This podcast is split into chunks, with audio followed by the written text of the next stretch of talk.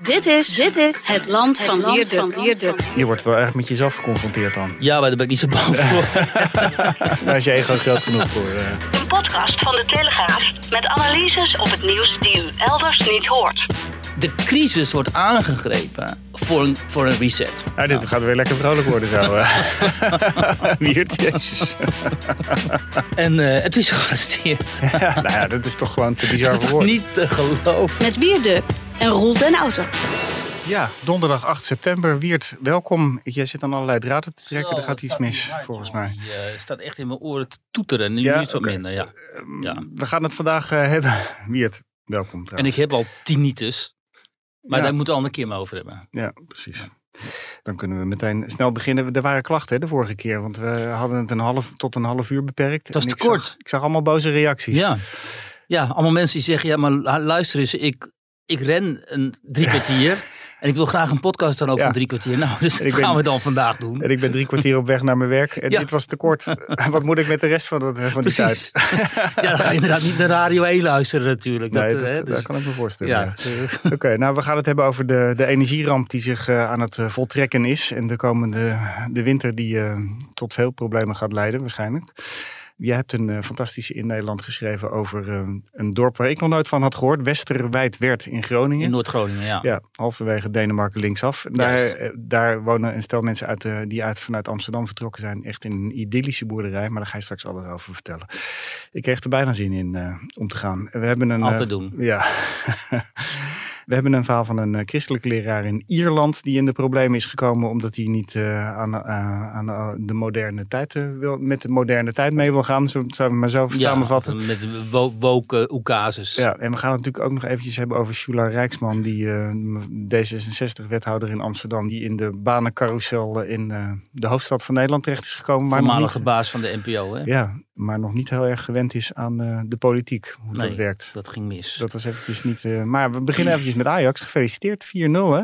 Zo. Maar- Heb je, ja, jij juicht alleen voor Excelsior natuurlijk. Ja, ik wou zeggen, de, eh, Glasgow die had een soort van Excelsior-verdediging. Ja, dat is mijn clubje uit Rotterdam. Maar, jij, eh, jij sympathiseerde natuurlijk ik enorm met Rangers.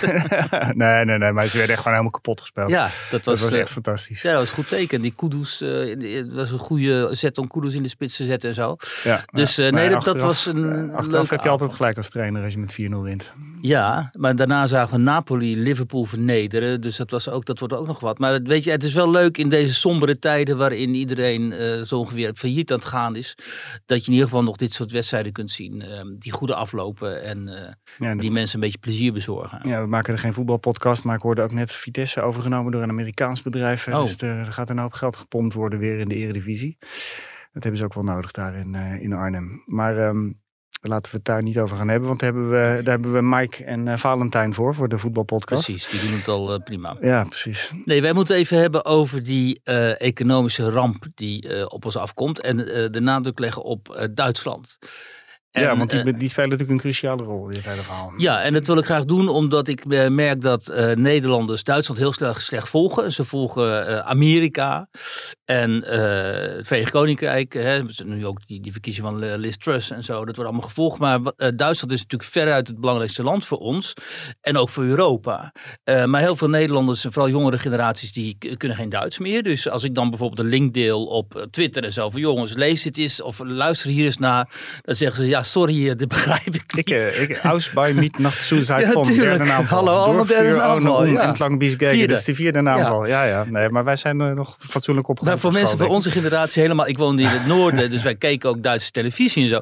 Voor mensen Ja. van onze generatie volstrekt onbegrijpelijk dat je geen Duits zou kunnen. Dat is voor mij alsof ik naar Nederlands luister, weet je wel. ik. Ik moest vroeger eh, verplicht met mijn vader meekijken naar de Bundesliga op zaterdag. Tuurlijk. eh, wedstrijden. En dan zette hij de tv uit als ik niet kon vertalen wat de commentator had gezegd. Dus ik heb, ik heb best goed eh, Duits geleerd zo. Sportshow was dat. ja, ja, mooi. Ja, ja, ja. fantastisch. Nou ja, mijn moeder die keek al die Duitse thrillers en zo. Dus, ehm.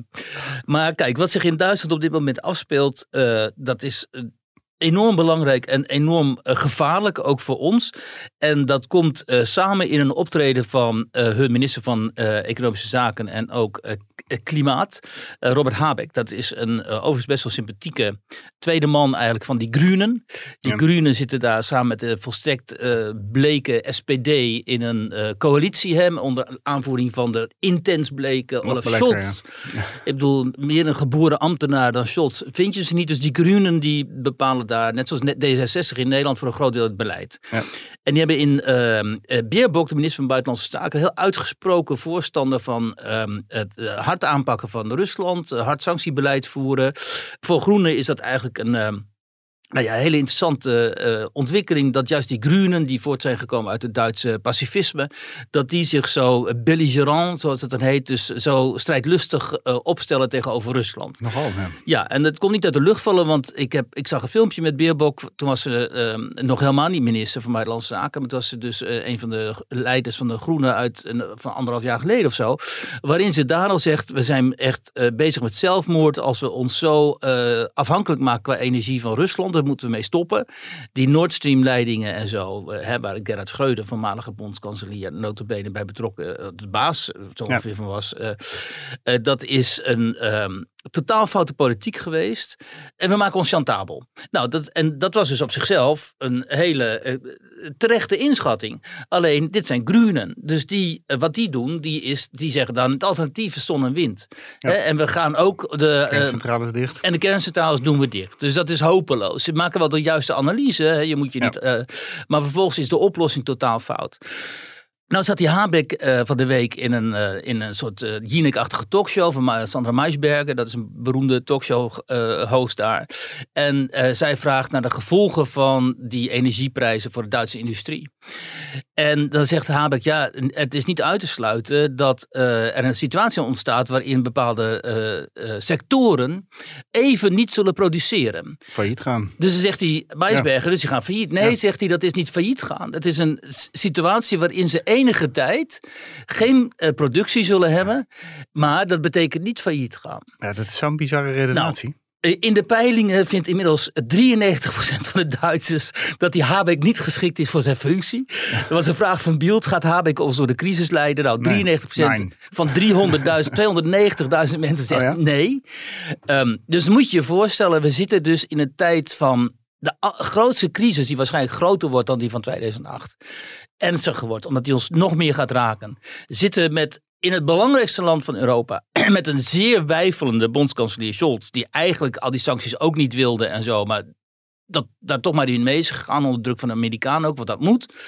Terwijl de SPD van nature en traditioneel gezien altijd goede relaties met Rusland zoekt. Uh, nou, in dit geval niet meer. En dan hebben een, een, een minister van Economische Zaken die de meest elementaire uh, principes van de economie uh, niet begrijpt. En hoe komt het nou dat, dat deze man, dat dat nou zo is? En ik zag een interessante talkshow waar we zo iets uit gaan horen.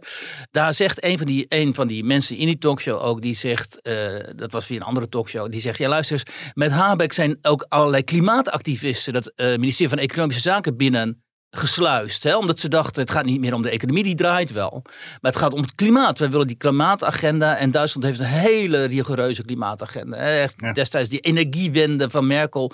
Dat is gewoon boom, weet je. In één keer uh, uh, zette dat het hele energieproject uh, daar op zijn kop. En deze man zei, kijk, die, wat die Habeck heeft gedaan... die heeft gewoon zijn lobbyisten uit de klimaatwereld meegenomen... en daar allerlei posities, posities gegeven. En eigenlijk they don't care about the economy, weet je wel. Het maakt ze niet zoveel uit. Het gaat hen om die, uh, die duurzaamheid, die energietransitie. En ja, uitgerekend op het moment waarin we dus met de enorme energiecrisis te maken krijgen, omdat, Rusland, uh, uh, omdat wij Rusland sanctioneren en Rusland vervolgens de kraan dicht draait, hebben deze mensen daar ehm, aan de macht.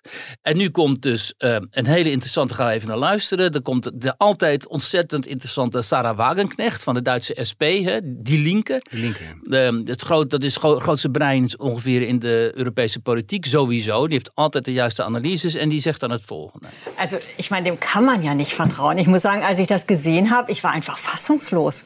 Also, ich, wir, wir befinden uns in einer dramatischen Situation. Deutschland steuert wegen dieser explodierenden Energie Energiepreise auf eine wirtschaftliche und soziale Katastrophe zu. Und wir haben im Wirtschaftsministerium jemanden sitzen, der offenbar elementare wirtschaftliche Zusammenhänge nicht kennt oder nicht durchschaut oder äh, nicht durchschauen will.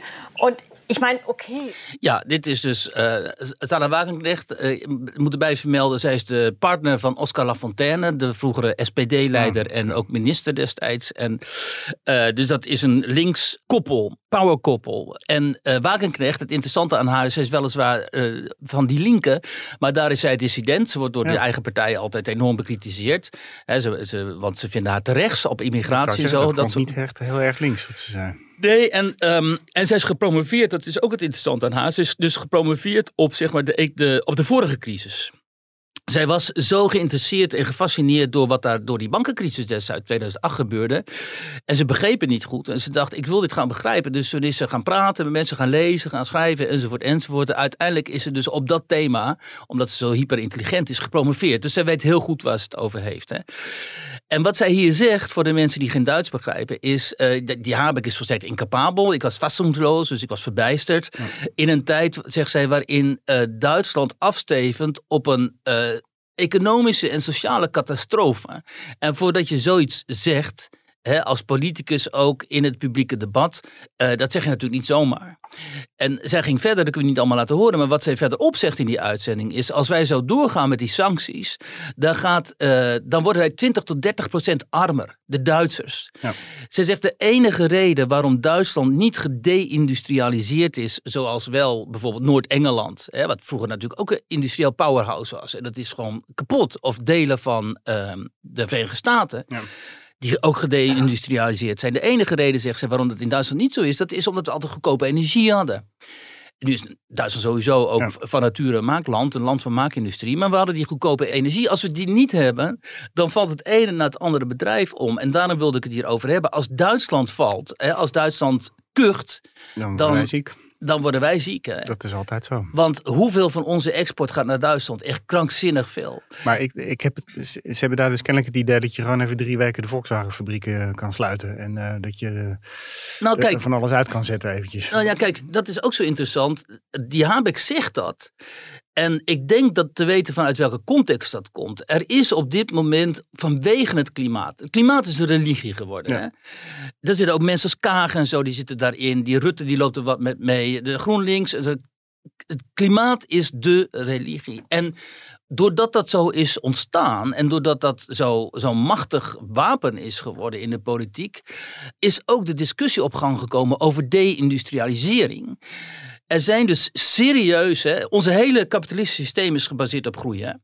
Er zijn dus en als we niet groeien, dan verarmen we gewoon. Er is, zijn nu dus serieus uh, intellectuele economen, anderen op links, hè, die zeggen het klimaat redden is zo belangrijk, de planeet redden in tien jaar of zo willen ze dat geloof ik, hè, is zo belangrijk dat we nu serieus moeten gaan overwegen om te gaan deindustrialiseren. Dus ik denk dat zo'n Habeck, het helemaal niet zo erg vindt dat bepaalde delen van de industrie, die in zijn ogen vervuilend zijn, uh, kapot gaan. En dat is in Nederland ook zo. Welke delen van de industrie worden uh, gesteund? Dat zijn dan zogenaamd de groene sectoren. Maar de vervuilende sectoren. Uh, ja, ja nou, Tata gaan ze dus wel steunen, want die is te belangrijk.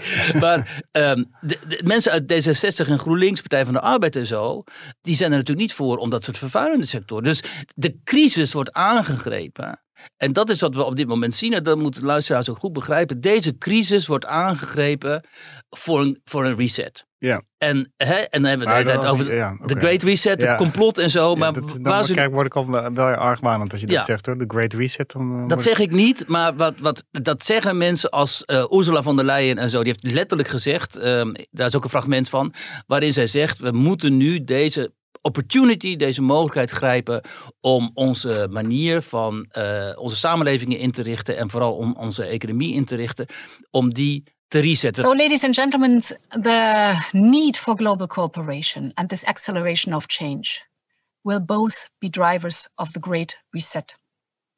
And I see this as an unprecedented opportunity. Wat Wagenknecht zegt, en dat is dus heel verrassend omdat het uit de linkse hoek komt, die zegt dat kunnen we ons helemaal niet veroorloven. Wat wil je nou dan? Wil je nou ter wille van jouw klimaatillusies en je, zeg maar, het gevoel dat je Oekraïne moet redden, uh, wil je dan onze bevolking in het verderf storten en onze economie kapot maken? Hè? En wat zij ook zegt is, die oorlog moet stoppen. Ik ben het ermee eens. Het is een misdadige oorlog.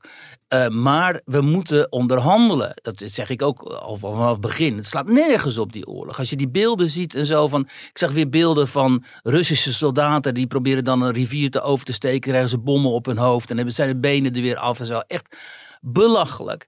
Dus uh, dat moet stoppen. Maar waarom? Waarom zegt zij onderhandelen wij niet met Rusland? Waarom zegt zij moet leiden wij, Europa, Duitsland, wij, Nederland, Frankrijk en zo zometeen, leiden de Amerikanen net zoveel. Dat is ook iets wat in Nederland eigenlijk nooit gezegd wordt. Maar die Amerikanen, die leiden niet zoveel. Daar is de inflatie helemaal niet zo vreselijk hoog. En die, die, die zitten nu uh, hun schaliegas te verkopen. Zij zegt één tanker, met één tanker schaliegas wordt 200 miljoen winst, winst gemaakt. Ja, nou, over nou, reset gesproken, Amerika die uh, springt daar goed uit. Die springt daar goed uit. Die laten de Oekraïners voor hen vechten. Die laten onze vluchtelingen opnemen. En onze economieën gaan naar de knoppen. En de Amerikanen springen er goed uit. Ja, en wat doet vervolgens uh, Poetin? Want die was in uh, Vladivostok. Vladivostok, zoals het heet in het Nederlands. In het oosten. Daar had hij een... Um, dat is wel weer grappig. Kijk, die Poetin die probeert om een beetje respectabel te zijn al jaren. Om dat soort voorraad te organiseren. Als ook World Economic Forum en zo. dit, maar dit was dan een Oosterse tegenhanger. Nou, dan heb je dus een Valdai. Uh, dat is dan in Petersburg. En je hebt in Sochi heb je dan zo voor. Maar nu was de Oosterse tegengang, want er komt niemand meer. Nee. Had hij het verplaatst naar Vladivostok en de Vladivostok. En daar zitten dan uh, de leider van de junta in Myanmar. De baas van het, uh, de voorzitter van het Chinese parlement. En uh, nou ja, allemaal dat soort... Uit Venezuela misschien? Iemand uit Venezuela waarschijnlijk. allemaal dat soort types die nog een beetje zijn bondgenoot zijn. Maar hij zegt daar wel van, luister eens even als jullie doorgaan met die sancties, ja, dan zeggen gewoon alle contracten op. En dan verkopen we wel een andere. En het interessante is ook, wat er gebeurt bijvoorbeeld uh, is met die olie. Uh, wij betrokken natuurlijk ook olie uit Rusland. Maar dat sturen ze nu dus naar China en naar India. Dan gaat India die gaat het raffineren, die olie. En verkoopt het voor vijf keer de prijs aan ons. ja, ja, er zijn allemaal dus we hebben gewoon Russische olie hier, die vijf keer duurder is. dus die, die, kijk, ik had in het begin ook zoiets van, oké, weet je, um, we kunnen ons geen oorlog met Rusland veroorloven.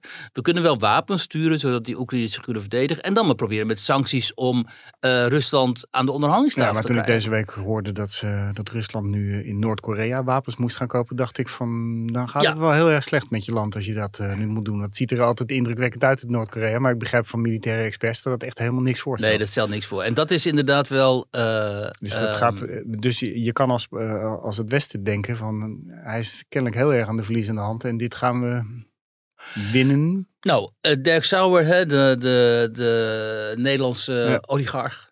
Die, die Rusland multimiljonair is geworden onder ja. Poetin. Ja. En die, die, nu het opneemt tegen Poetin. Ja, Ook zo mooi. Uh, Eerst was je schatrijke Rusland dankzij Poetin en vervolgens dan ga je bekritiseren. Uh, die had zo'n tweet van de week van, uh, daarin had hij ook allerlei cijfers over de Russische economie, dat het slecht zou gaan en zo. En er zijn nu nog even volhouden. En dat zegt hij dan tegen die bijstandsmoeder die dan 900 euro opeens voor een energierekening moet betalen en zo. En, en al die bakkers die failliet gaan, hè, daar hadden we van de week ook, immers ook allemaal verhalen over. Uh, dus hij heeft makkelijk praten met zijn uh, 140 miljoen. En dat is wat jij zegt, dat is wel het andere verhaal. Dat de mensen, de voorstanders van die sancties dan telkens uh, naar voren brengen. Dat is, nee maar kijk, hij moet al hulzen voor artillerie moet hij al kopen in Noord-Korea en zo. Ja. Dus het gaat helemaal niet goed. Maar dan zeggen de tegenstanders weer van joh... Um, Gazprom heeft een recordwinst geboekt. Met die recordwinst bouwen ze nu oliepijpleidingen naar China. Dus ze gaan zo meteen, of gaspijpleidingen naar China. Dus ze gaan ook met, met, zo meteen ook dat gas, hè, wat ze nu afvakkelen, gaan ze verleggen naar, uh, naar China. En die komen er wel weer bovenop. En, ja, maar die pijplijn dat duurt een paar jaar, heb ik begrepen. En, uh, maar, maar, je kan ook denken dat de moraal zo slecht wordt van die Russische soldaten. Want op een gegeven moment, die is nu al heel laag. Uh, die wordt alleen maar lager. Je kan wel heel veel geld hebben, maar wat, kan, wat moet je ermee? Je kan je land niet eens uit. Je kan, die Russen kunnen, niet, ze kunnen naar, naar, naar Turkije op vakantie. Daar kunnen ze geloof ik heen. Ja, ja het waren heel veel, heel veel Russen in Turkije. En ze kunnen Abu Dhabi en zo volgens mij. En, uh, je hoort nog niet zo heel veel berichten over Russische mensen, die arme Russen. Hoe gaat het daar nu mee door al, door al dit uh, geweld? Nou, Leiden die eronder, denk jij? Nou, niet, dat is niet wat ik hoor, nee. Nee? Kijk, bovendien, eh, wij kunnen over Russen moet niet denken zoals over ons. Die kunnen leiden tot zijn onswegen en Ja. dan zetten ze nog door. Leningrad werd des- destijds door de nazi's eh 900 dagen belegerd. Ja. Een miljoen doden of zo. En eh, toen stonden ze nog. En in de jaren 90, eh, toen waren ze echt oneindig veel slechter aan toe dan nu. Eh, toen bleven ze ook overeind. Hè, Maar daar werden bizarre hoeveelheden mensen opgeofferd gewoon hè, door de Russen daar in die strijd rond Leningrad. En, Ja, eh, maar dat is ook hun traditie. We offeren mensen op om. eh, en, en dat zit toch wel heel diep. Ook, ook al zijn mensen het oneens met eh, Poetin. Dat was ook wel een interessant bericht wat ik zag op het internet. Deze week is zo'n Russische journalist tot 22 jaar veroordeeld. Echt absurd hoge straf. En het was dan een criticus van Poetin. Dus wij in het Westen allemaal, oh zie je wel die Poetin en zo. die persvrijheid en zo. Maar dan komt dus, dan zit dus het venijn zit in de staart. Hij was weliswaar een criticus van Poetin, maar hij was helemaal niet tegen de oorlog. Die jongen die zei ook van de Oekraïne moet een soort wingewest worden van Rusland en Ja. zo. En eh, we moeten nadenken over de nucleaire optie en zo. En weet je, dus wij begrijpen in het Westen Rusland ook heel slecht. Wij Ja. denken, oh die Navalny dat is een democraat. Hè? Die man die in, daar in, de, in, de, in een strafkamp zit en zo. Die Navalny die was een racist. Die heeft allerlei racistische uitingen gedaan over eh, zwartjoekels, zegt hij dan, in de Johnny Job in de, in de, in de Caucasus. Ja. En dat is gewoon een rechtse nationalist ook. Maar ja, omdat hij tegen Poetin opneemt, denken wij, oh, dat is een de- held van de democratie, weet je wel. Dus, ehm, en goed, hij is wel bijgedraaid later. Eh, maar net zo over Zelensky kun je natuurlijk van alles zeggen. Oh, Zelensky is nu de held van het Westen. Zo, ja, hij is aan de macht geholpen door zo'n totaal corrupte oligarch, weet je wel. Ja. En om, om dit af te sluiten, de, de vraag deze winter gaat natuurlijk worden... Wie gaat dit het langste volhouden? Ja. Gaan de westerse bevolkingen en de westerse economieën, tegen wie eigenlijk die sancties zich nu keren, meer dan tegen de Russen, gaan die het volhouden? Gaan die het begeven, zeg maar? Of gaan de Russen het begeven? Nou, en dan denk ik met de traditie van het verdragen van Leiden, dat de Russen hebben, dat de Russen dit langer kunnen gaan volhouden. En dan vraag ik me af, ehm, waar staan wij zo meteen in januari, februari, na een strenge winter, waarin mensen moeten besluiten van, eh, ga ik kou lijden of eh, ga ik honger lijden? Nou, we hebben of, gelukkig eh, minister eh, Rob Jetten. En die had een briljant idee deze week eh, voor de bakkers. Hè, om de, de hoge gasrekening tegen te gaan. Door brood te bakken op 120 graden.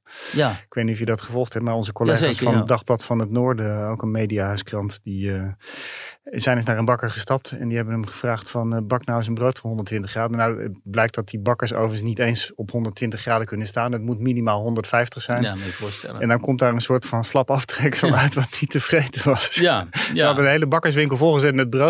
En die vijf broden die ze gebakken hadden op 150 graden, die bleven staan in de winkel, want die wilde niemand hebben. Ja, dat- maar dat ja. is dus een minister die dat, die dat suggereert. Ja, dat is dezelfde minister die zei van hoe ga je een huis verwarmen met kernenergie Ja. en zo. En Dat- eh dus koekenbakkers. eh, daar, daar, nou, en dat is natuurlijk ook dat juist uitgerekend in deze tijd waarin je heel duidelijk, eh, heel sterk en duidelijk leiderschap nodig hebt Ja. in het Westen.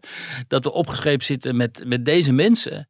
Hè, ook die Ursula von der Leyen die dan de basis van de Europese Unie met haar, eh, met haar plannen en zo. Ja. En ehm, ja, en, en, en nou ja, en dat Joe Biden, hè, dat is natuurlijk heel ernstig. Dus eh, ik vrees dat het toch een beetje eh, ieder voor zich eh, wordt eh, deze nou ja, het gaat weer op zijn Nederlandse pappen en nat houden worden. hè. En eh, kleine stukjes repareren, andere randjes blussen. Ja, maar dat gaat niet meer. Want eh, er gaan gewoon hele sectoren, als het zo doorgaat, gaan hele sectoren omvallen. Er gaan die hele fabrieken moeten dicht. Die gaan nu al Die dicht. gaan nu al dat- dicht. En tuinders die eh, stoppen met, met kweken met een teelt voor een paar maanden. 1500 van de 3000 ambachtelijke bakkers dreigen om te vallen. Ja. De, de glastuinbouw zo gaat omvervallen. Dus eh, dit, dat, en dat is ook het, het ernstige hieraan. Dat de hele ge- consensusmodel in Nederland. En inderdaad pap en nat houden. En we doen er hier wat bij en er hier wat af. Dat gaat in deze eh, situatie helemaal niet van toepassing zijn. En daarom wilde ik het ook over die Duitse, dat Duitse debat hebben. Omdat ze daar wel beter begrijpen wat er op en af komt. Dat komt natuurlijk ook omdat zij een industrieland zijn. Dus Ja. die industrieën die gaan misschien onderuit.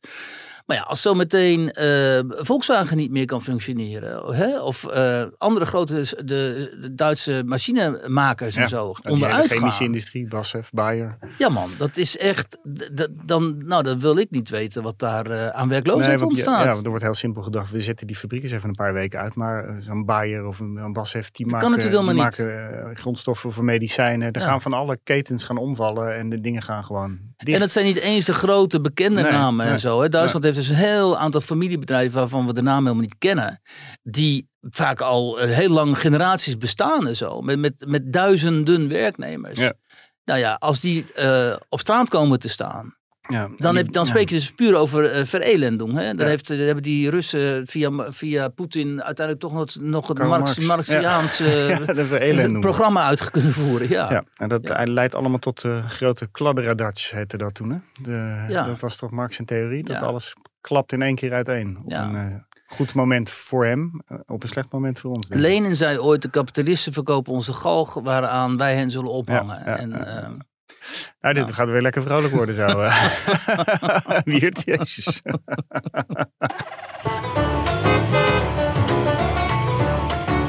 Waar was Wiert? Je zou bijna denken, was ik maar naar Westerwijd werd vertrokken. ik raad iedereen aan nu Ja, een want ik, eh, platteland je had, te je zoeken. had een ja. jaloersmakend verhaal vandaag in de krant van eh, twee mensen uit Amsterdam, uit de staatsliedenbuurt notabene, die eh, kennelijk, die dachten, in de vijftigers, die dachten van we gaan eens eventjes het wat rustiger aandoen en dat gaan we niet na onze pensionering doen. We nemen de gok nu en we kopen iets leuks. Ja, wat was dat voor leuks? Nou ja, zij zijn verwoede kajakkers en ze waren een paar jaar geleden door Groningen gaan kajakken en vonden, dachten van dit is niet normaal, zo rustig en mooi het hier is en eh, het is heel lekker, lekker stil en zo. En eh, we willen onze droom om ooit Amsterdam te verlaten nu toch wel gaan verwezenlijken. En toen gingen ze iets zoeken en toen kwamen ze uit bij een oude sluiswachters, oude sluiswachterswoning. Eh, daar hadden ze een plan voor gemaakt, een horecafunctie, eh, bestemming. Eh, maar dat werd niet ge- Nee, gehonoreerd. En toen, maar ze hadden inmiddels wel, waren ze daar veel geweest, hadden ze mensen leren kennen. En toen hoorden ze via via van ehm, hun nieuwe vriend Erik uit Oldenzeil. Dat het huiskamercafé, het beroemde huiskamercafé in Westerwijdwerd, ehm dat dat vrij kwam. Omdat de toenmalige uitbaters hielden ermee op. Eh, nou, en dat, dat paste heel goed in hun plannen. Want eh, de man, eh, Peter, was kok bij de plantage, restaurant de plantage. Ja. En, eh, en zij was zorginkoper bij een grote zorginstelling, maar ze wilde dus gewoon rustiger leven. En toen zijn, hebben ze uiteindelijk dus dat huiskamercafé gekocht. En sinds juli zijn ze daarin, functioneert dat, zeg maar. Ehm, kijk, en het leuke aan het huiskamercafé is dat er is een begrip in Groningen. In Groningen heb je sowieso een traditie van dit type cafés. Ja. Ook dat, ja, zelfs het café eh, eh, in ehm Noordpolderzeil, weet je wel, het Siloes, wat heel bekend Ja. is. Waar Bob Dylan is geweest en zo. En daar zitten dan wel vaak van die mensen uit Hilversum en zo. Die doen dan ook alsof Ja. ze gewoon eh, heel erg eh, van de provincie houden en zo. Maar goed, als je daar komt, dan zie je ook... Oh ja, dat was ook een, dat was een soort grote boerderij kennelijk. Met, eh, en dan zie je, dat is ook nog echt ingedeeld als een huis. Dus je komt er ook echt in een huiskamer. En dan kun je dan een broodje, eh, twee kroketten met brood en uitsmijten bestellen en zo. Dus dat heeft een bepaalde tra- traditie daar in Groningen. En, maar dit café is 50 jaar lang bestierd door eh, Eke en Tinus Hazekamp. En die waren een begrip in de regio omdat zij daar ook echt woonden. Dus in het openbaar gedeelte van het café. En wat Zij woonden gewoon in het café. ja, en wat gebeurde er dan? Dan gingen mensen dus uit s'nachts in Groningen. Stad Groningen is niet zo ver weg daar vandaan. En dan kwamen ze midden in de nacht, uur vier, vijf of zo, nog even bij hun aanbuurten om nog even te, te, te drinken. Lagen en zij in de bedstee. Lagen zij in bed, in de wedstrijd. nou, en daar werd daar, dat heb ik niet in het stuk geschreven, maar daar werd er ook wel eens gefoost, zoals Ja, dat dan nou, heet. volgens mij stond dat er wel in. Want ik gerommeld, mij- genoemd, ja. En, eh, dus mensen hebben elkaar daar leren kennen. Er bestaan allerlei anekdotes over het café. En die twee eh, werden natuurlijk een fenomeen daar eh, in de regio. Want ze waren ook nog dus eh eh, brugge, brugwachter. Want Ja. er is daar een bruggetje. En molenaar. Staan Dus ze daar met zo'n klompje. ja, ze, ja, nou ja, ze deden de brug dus open met Ja. zo'n... maar goed, uiteindelijk werden ze natuurlijk te oud en moesten ze weg. En toen is het overgenomen door het, een ander paar. En die hebben het dan uiteindelijk aan deze mensen verkocht. En eh, ja, ik wilde het verhaal schrijven vanwege dat CBS-rapport. Dat constateerde dat er weer meer mensen uit de Randstad zijn weggetrokken afgelopen jaar 70, dan... 75.000. Ja, hè? 65.000 meen ik. Ja, Eh, dat is een stijging van 5000, las ik. ja, dus Niet die, echt heel veel, maar, eh, maar toch. Nee, maar het zijn er wel meer dan naar de Randstad eh toegaan. En eh, wat eh Mirjam Vink, die een van die twee ook vertelde, is dat eh, zij, zij, zij is echt zo'n Amsterdamse. En zij zei, onder corona was het inderdaad wel zo in Amsterdam dat heel veel mensen eh, ofwel echt weggingen, Ja. of spraken erover dat ze uit de, uit de stad weg wilden gaan en zo. Eh, en wat hen ook wel dwars zat, was ja, dat, dat Amsterdam een soort kermis is geworden, toer- toeristenkermis is geworden Ja, natuurlijk. hè. maar ik, nee, ik, Ja. kan me voorstellen dat ze in Groningen bang zijn dat die kermis zich gaat verplaatsen naar Groningen. En dat jij je rustige eh, dorpje, dat je daar opeens wordt overspoeld door allemaal Amsterdammers met hun... eh, Ja, want dat is. Ja. En eh, ik denk dat dat bij eh, veel Groningers ook wel het geval is. En het is ook best wel opmerkelijk, inderdaad, dat in dat Westerwijdwertam, wat een echt schitterend dorpje is, dat er inderdaad gewoon best wel wat import eh, woont. Ja, Mensen ja. hebben die huizen daar gekocht, midden in het aardbevingsgebied. Maar je kan daar dus eten en drinken, maar hebben ze zich helemaal Ja. aangepast aan de, aan de lokale gewoontes? Of kan je daar ook koffie met havermelk krijgen? Nee, je kan er alles krijgen. En ze willen ook echt drie gangen diners gaan organiseren en zo. En het heeft gewoon best wel eh, kwaliteit. Ja. Dus omdat hij kok is natuurlijk. Ja. Dus hij levert niet zomaar iets. Eh, en eh, of ze nou echt ook Groningen stoeten hebben en zo. Gronings brood, Ja. dat weet ik niet. Maar ehm, Zou jij zoiets ooit willen doen? Later, als je oud bent. Eh, al als ik later eh, oud ben, dan wil ik best wel in Groningen of Zeeland of zo eh, mij vestigen hoor. Ik behoef totaal niet in, die, in die randstad te blijven. Maar liefst ga ik nog naar een ander land eigenlijk. Maar ehm, eh, dus nee, ik kan me dat heel goed voorstellen. Ik snap ook helemaal niet mensen die dan zeggen: Oh, het is daar zo er is niks. En het is er zo eenzaam. Ja, ik, ik, eh, ik is ken toch, juist veel fijn. Ik ken wel voorbeelden van vrienden die dat gedaan hebben en een, een boerderij kochten in the middle of nowhere, maar na drie jaar toch weer terugkwamen naar, Ja, eh, naar dat Amsterdam gebeurt- of dat- naar eh, ja. de Randstad. Ja, dat gebeurt ook Dat- heel vaak. Maar de- ik, ik, ik, Je wordt wel erg met jezelf geconfronteerd dan. Ja, maar daar ben ik niet zo bang voor. Daar is je ego groot genoeg voor. eh. Ja, jezus, je hebt toch gewoon internet en zo. En eh, ik ben ook niet zo nou, ik iemand... weet het niet eens. Ja, het toch wel. ja, het functioneerde daar wel. Je moet in ieder geval niet naar Ierland gaan verhuizen, want eh, daar Nee. hadden we deze week een, een akkefietje met een leraar. Hè? Ja, dat was wel het. eh, als we die, column, die rubriek De Woken Week nog hadden Ja. gehad, dan was dit wel eh goed, eh, goed onderwerp ervoor geweest. Ehm, dit was een christelijke leraar en die werkte op een school waarin een binaire. eh, nee, non-binair ben je dan. Nou, dat weet ik niet. In ieder geval iemand die vindt dat hij nog man, nog vrouw is. Ja. Hem erop wees dat hij met meervoudig wilde worden aangesproken. Dat, daar komt het dan op neer. Hè? Dan moet je zeggen jullie. Ja. En als je, als je dan vraagt, heb je, heb je je boek bij je? Dan moeten ze zeggen, hebben jullie je boeken bij je? En zo. Ehm, en deze man, vanuit zijn geloofsovertuiging, die weigerde dat. Want eh, God schiep natuurlijk de man en de vrouw. Ja. Hè? En ik, althans, ik neem aan dat hij zo redeneert. En eh, de, de vrouw schiep uit de rib van de man ook nog. Hè? Moeten we niet vergeten trouwens. Dat vergeten we heel vaak, maar dat wil ik nog even, wel even graag hier benadrukken. En, ehm, en dus hij zegt, ja, maar dat ga ik niet doen. En toen werd hij geschorst. en wat natuurlijk verschrikkelijk is, hè? zo'n schoolbestuur, of die lei- zo'n schoolleiding die dan zegt, nou dan gaan we je schorsen en zo. Op Want, basis van wat? Hoe kan dat? Ik snap het echt niet. En ik ben eh, wel een beetje bang dat dat soort dingen ook naar Nederland zullen gaan komen. ja, zeker komen die. En eh, toen mocht hij dus geen les meer geven. En toen ging hij toch heel re- recalcitrant ging hij daar toch zitten. Zo van, ik ben beschikbaar. Hè? Hij is net- beschikbaar. Hij was beschikbaar. En eh, het is gearresteerd. Ja, nou ja, dat is toch gewoon te bizar Dat is voor woorden. niet te geloven. Vanwege contempt of court of zo, ja, hè? ja, minachting ja, van. eh, minachting van ja, het, ja, eh, het was natuurlijk een gerechtelijke uitspraak dat hij daar niet meer mocht komen. En op grond daarvan konden ze hem natuurlijk oppakken. Ja, Maar dit- ja. Het is toch te, te bizar voor woorden. Maar dan begrijp ik, eh, ja, hier, dit was natuurlijk Ierland, hè? Ja, De Republiek. Ja. Want ik begrijp dat eh, de nieuwe Engelse premier. Dat die helemaal niks op heeft met al die. eh Nee, die Liz Truss. woke onzin. Ja. dat, gelukkig zegt hij dat inderdaad. En, ehm, maar het is, eh, het is onvermijdelijk, omdat de, de lobby voor deze onzin is eh, zo groot. En er gaat zoveel geld ook alweer rond in deze industrie. ehm, die vanuit de Verenigde Staten komen overwaaien natuurlijk. Hè? En, dat, eh, en ehm, dit, dit is dus een ideologie waarin je, jij dus als iemand met gezond verstand moet erkennen dat mannen ook zwanger kunnen worden. Ja. Dat mannen kunnen menstrueren. Ja. Dat vrouwen eigenlijk, Ja, niet, vrouwen eigenlijk niet bestaan. Want als jij als man vindt dat je vrouw bent, dan ben je ook een vrouw. Het irriteerde, me, irriteerde mij deze week ook al mateloos. Het ANP had een bericht geschreven over. Dat ging over mensen die menstrueren. Denk, ik, Ja, mensen die menstrueren. overleren, sorry. Ja, overleren. ja. Oh, overleren. Ja. overleren Ja. inmiddels ook al.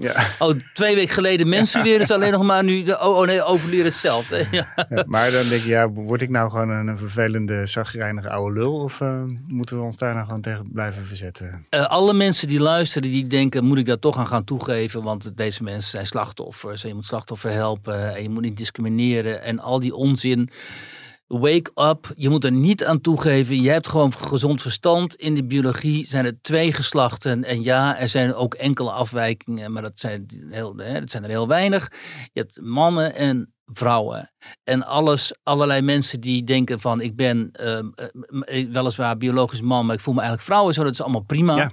Maar dat betekent niet dat je dan ook vrouw bent. Het betekent wel ook dat je als transgender je kunt transformeren in een ander geslacht waarin je dan beter voelt en zo vind ik ook allemaal prima.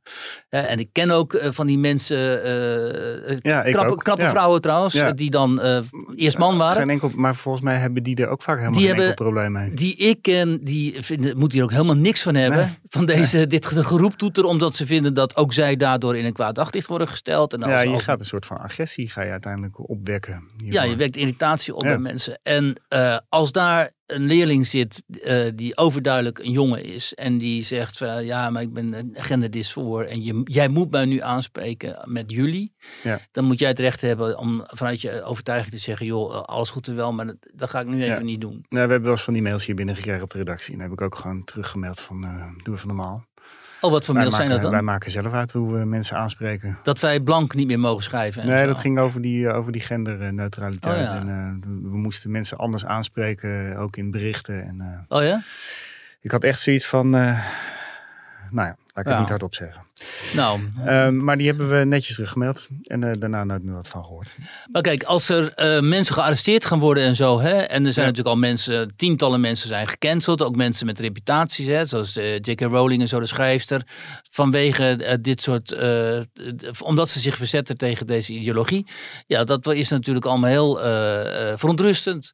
En, eh, en ook in Nederland eh, is Ja. dat aan de hand en gaat dat gebeuren en zal het eh, steeds extremer worden. En zolang D66 vooral in coalities blijft zitten, zal dat aangewakkerd worden ook. Want D66 is bij uitstek de partij die vindt dat zij dit soort minderheden, de, ideologieën, moeten uitrollen over een grote meerderheid van Ja. de bevolking. Nou heb je een fantastisch bruggetje, bruggetje alweer gelegd. Ik zat dat al te denken toen ik dit aan het zeggen was. Ja.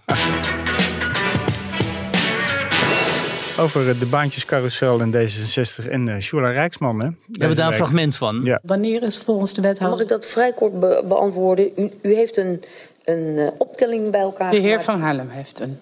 Meneer Van Haan heeft een optelling gemaakt, voorzitter, die volkomen op niks gestaafd is. Ehm, even kijken hoor. Eh, snel, dan hebben we. Het kan zijn dat ik het niet helemaal in de goede volgorde doe. Eh, dat is eigenlijk ook al wat ik eerder heb proberen te zeggen. Wat horen we hier, Roel? Ja, het is allemaal een beetje gestuntel. En zelf zegt ze van, ja, in Parool zei ze van... eh, ja, ik ben niet een standaard politicus. Ik moet, het moet allemaal nog een beetje inslijpen. En wees blij dat ik gewoon eh, eerlijk en normaal antwoord geef. Oh, want Jules Rijksman, moeten we even verduidelijken, Ja. was dus de baas van de NPO en is nu voor D66, eh, wie schetst onze verbazing Ja. voor D66, Naar een mooie wethouder geworden in Amsterdam. Eh, zorg, geloof ik. Wethouder zorg. Ja. Ja. Dus je kunt, dat is de baantjescarousel natuurlijk in Ja. optima forma wat je hier ziet. Ja, nou, ik En- werd door mijn collega Marijn Schrijver. Ik had gisteren zat ik hier op de redactie. Die werd ik gebeld door Marijn Schrijver, een collega die daar eh, die vergadering eh, bij zat, waar Sheila Ja. Rijksman bij zat. Die Werd hij zei trouwens geleid door Annabel Nanninga, zag ik? was zij voorzitter? Ja, ja, ja, ja, maar die werd ook nog verkeerd aangesproken Ja, door Sheila ja, Rijksman. als Wilma Nanninga. Ja, ja, precies. Hij zegt van, nou ja, ik bedoel, ik, ik zit wel vaker bij vergaderingen, maar wat ik hier hoorde, dat is echt Ja. niet te geloven. Dus gelukkig waren de camera's bij, dus konden we het ook eh, vastleggen. Maar Eh, wat video. gebeurde daar dan? Ja, er gebeurde. zij, zij, zij begreep eigenlijk totaal niet hoe een vergadering in, in, in de politiek werkt. Dus je procedureel via- ook al niet? Procedureel snapten ze het niet. Ze wist geen namen. Ze hadden allemaal namen door elkaar. Ze had zich eigenlijk gewoon niet voorbereid. Geen dossierkennis. Ik kan begrijpen dat je als nieuwe, als nieuwe wethouder... dat je er niet eh, alles weet. Maar dan moet je je een beetje laten souffleren. Maar dat Ja. werd wel heel erg. Want er werden daar iPads onder de neus geduwd... met antwoorden die ze daaruit op zat te lezen... waarvan ze kennelijk duidelijk niet wist wat ze zei. Ja, het werd een beetje gênant. Het is een beetje zoals met die Van der Wal, die toen ook in zo'n commissievergaderingen vragen kreeg. En Ja. door die papieren ging rommelen en zei: Oh, dit is leuk, oh, dit is leuk. En dan leuk, leuk, leuk, leuk. En nou, eigenlijk begrijp ik er niks van, zei ze toen. en maar- die gaat dus over het stikstofbeleid. Hè? Ja, en nou is het Parool natuurlijk een eh, hele D66-vriendelijke krant, Ja. maar die waren toch redelijk vernietigend. En die lieten allemaal mensen aan het woord, wel allemaal anoniem, want niemand durft daar hardop eh, in eh, Amsterdam Vind ik ook weer te zo zeggen wat ze ervan- Ja, ja, ja, ja, ja. niemand, eh, behalve Hannebel Nanninga natuurlijk, maar die was Ja. de voorzitter van de, Van de vergadering. van de vergadering. Ja. Nee, het was echt een, het was een vertoning. Echt niet te geloven. Maar ja, dan denk je van, die vrouw die heeft hoeveel jaar lang de NPO bestierd. Ja, ja. Die, die heeft alleen maar vergaderd daar, neem ik aan. Ja. Ja, Dus- en op een gegeven moment dat ze een soort van, hè, dat, dat schandaal is ook tot, nog zo totaal niet echt opgehelderd. Nee, met, eh, Had ze een soort van verhouding met iemand Oh, uit het ministerie, hè? Weet je nog? Ja. ja, en uh, dus hè, en, en, dat, dat kan natuurlijk helemaal niet. Zo'n zo iets, iets innigs met iemand uh, vanuit Ze de is toen op vakantie geweest met Sander Dekker en er was nog een uh, akkefietje waar, uh, ja, ik weet niet of dat ook... Ja, het andere akkefietje was dus Ja. dat ze in hetzelfde kamer, meen ik, sliep als Ja, die uh, mevrouw van het ministerie. Hoogambtenaar. Maar wat moeten we hier nou mee? Hè? Want Ja, het, nou ja, we we kunnen- wel de grootste stad van Nederland. Ja, maar goed, Amsterdam is natuurlijk al eh, heel lang. eh, ik bedoel, heb je de, de overigens best wel beminnelijke Rutger Grootwassing van GroenLinks. Ja. Die eigenlijk als een soort Lenin daar door die stad waart. Hij lijkt er ook wel een beetje Hij op, lijkt er Ja, ook ja. op. En allerlei ext- extreem linkse plannetjes eruit rollen. Dus Amsterdam. Kijk, Keizer Ollongren was ooit zo totaal ongrondwettelijk door te zeggen van als een bepaalde dingen. Als Wilders aan de macht kwam of zo, zei ze ooit, dan maken we van Amsterdam een republiek. Toen was Keizer, hè, die is dus minister van Binnenlandse Zaken kunnen worden, hè, die vrouw. Dus die zei, is, dat was gewoon pure opruiming eigenlijk van haar kant. Eh, maar daar heb je dus mee te maken met mensen die eh, in Amsterdam met dat soort denkbeelden en met, met dat, soort, dat soort opvattingen en zo. Dus eh, eigenlijk moeten we Amsterdam gewoon vergeten. En iedereen die daar woont, heel veel succes wensen verder met zijn leven. Maar verder helemaal, ons helemaal niet meer druk op maken. Gelukkig wonen jij en ik er niet. Ik heb er gewoond, hè. Maar de, ja, ja, ik ook ooit ja. een keer. Ik heb er in militaire dienst gezeten zelfs in Amsterdam. Oh, op de Dam of zo. Oranje Nassau kazerne. Oh, serieus? Ja. ja. Nee, ik woonde gewoon keurig op Eiburg. Maar dat, eh, toen een paar keer in mijn auto was ingebroken, had ik ook zoiets van, eh, Ja. ga je maar weg. Oké. Nou, dankjewel eh Wiert. Dank je, Roel. Het was weer eh, 42 minuten. Ik Hey. hoop dat die meneer nu uitgerend is. Nog een paar minuten rennen en dan, eh, eh, klaar. Of dat de autorit klaar is. Als je in de file komt, dan, eh, dan ga je het niet halen. Ik eh, spreek jou volgende week weer. Wiert. Yes. Leuk.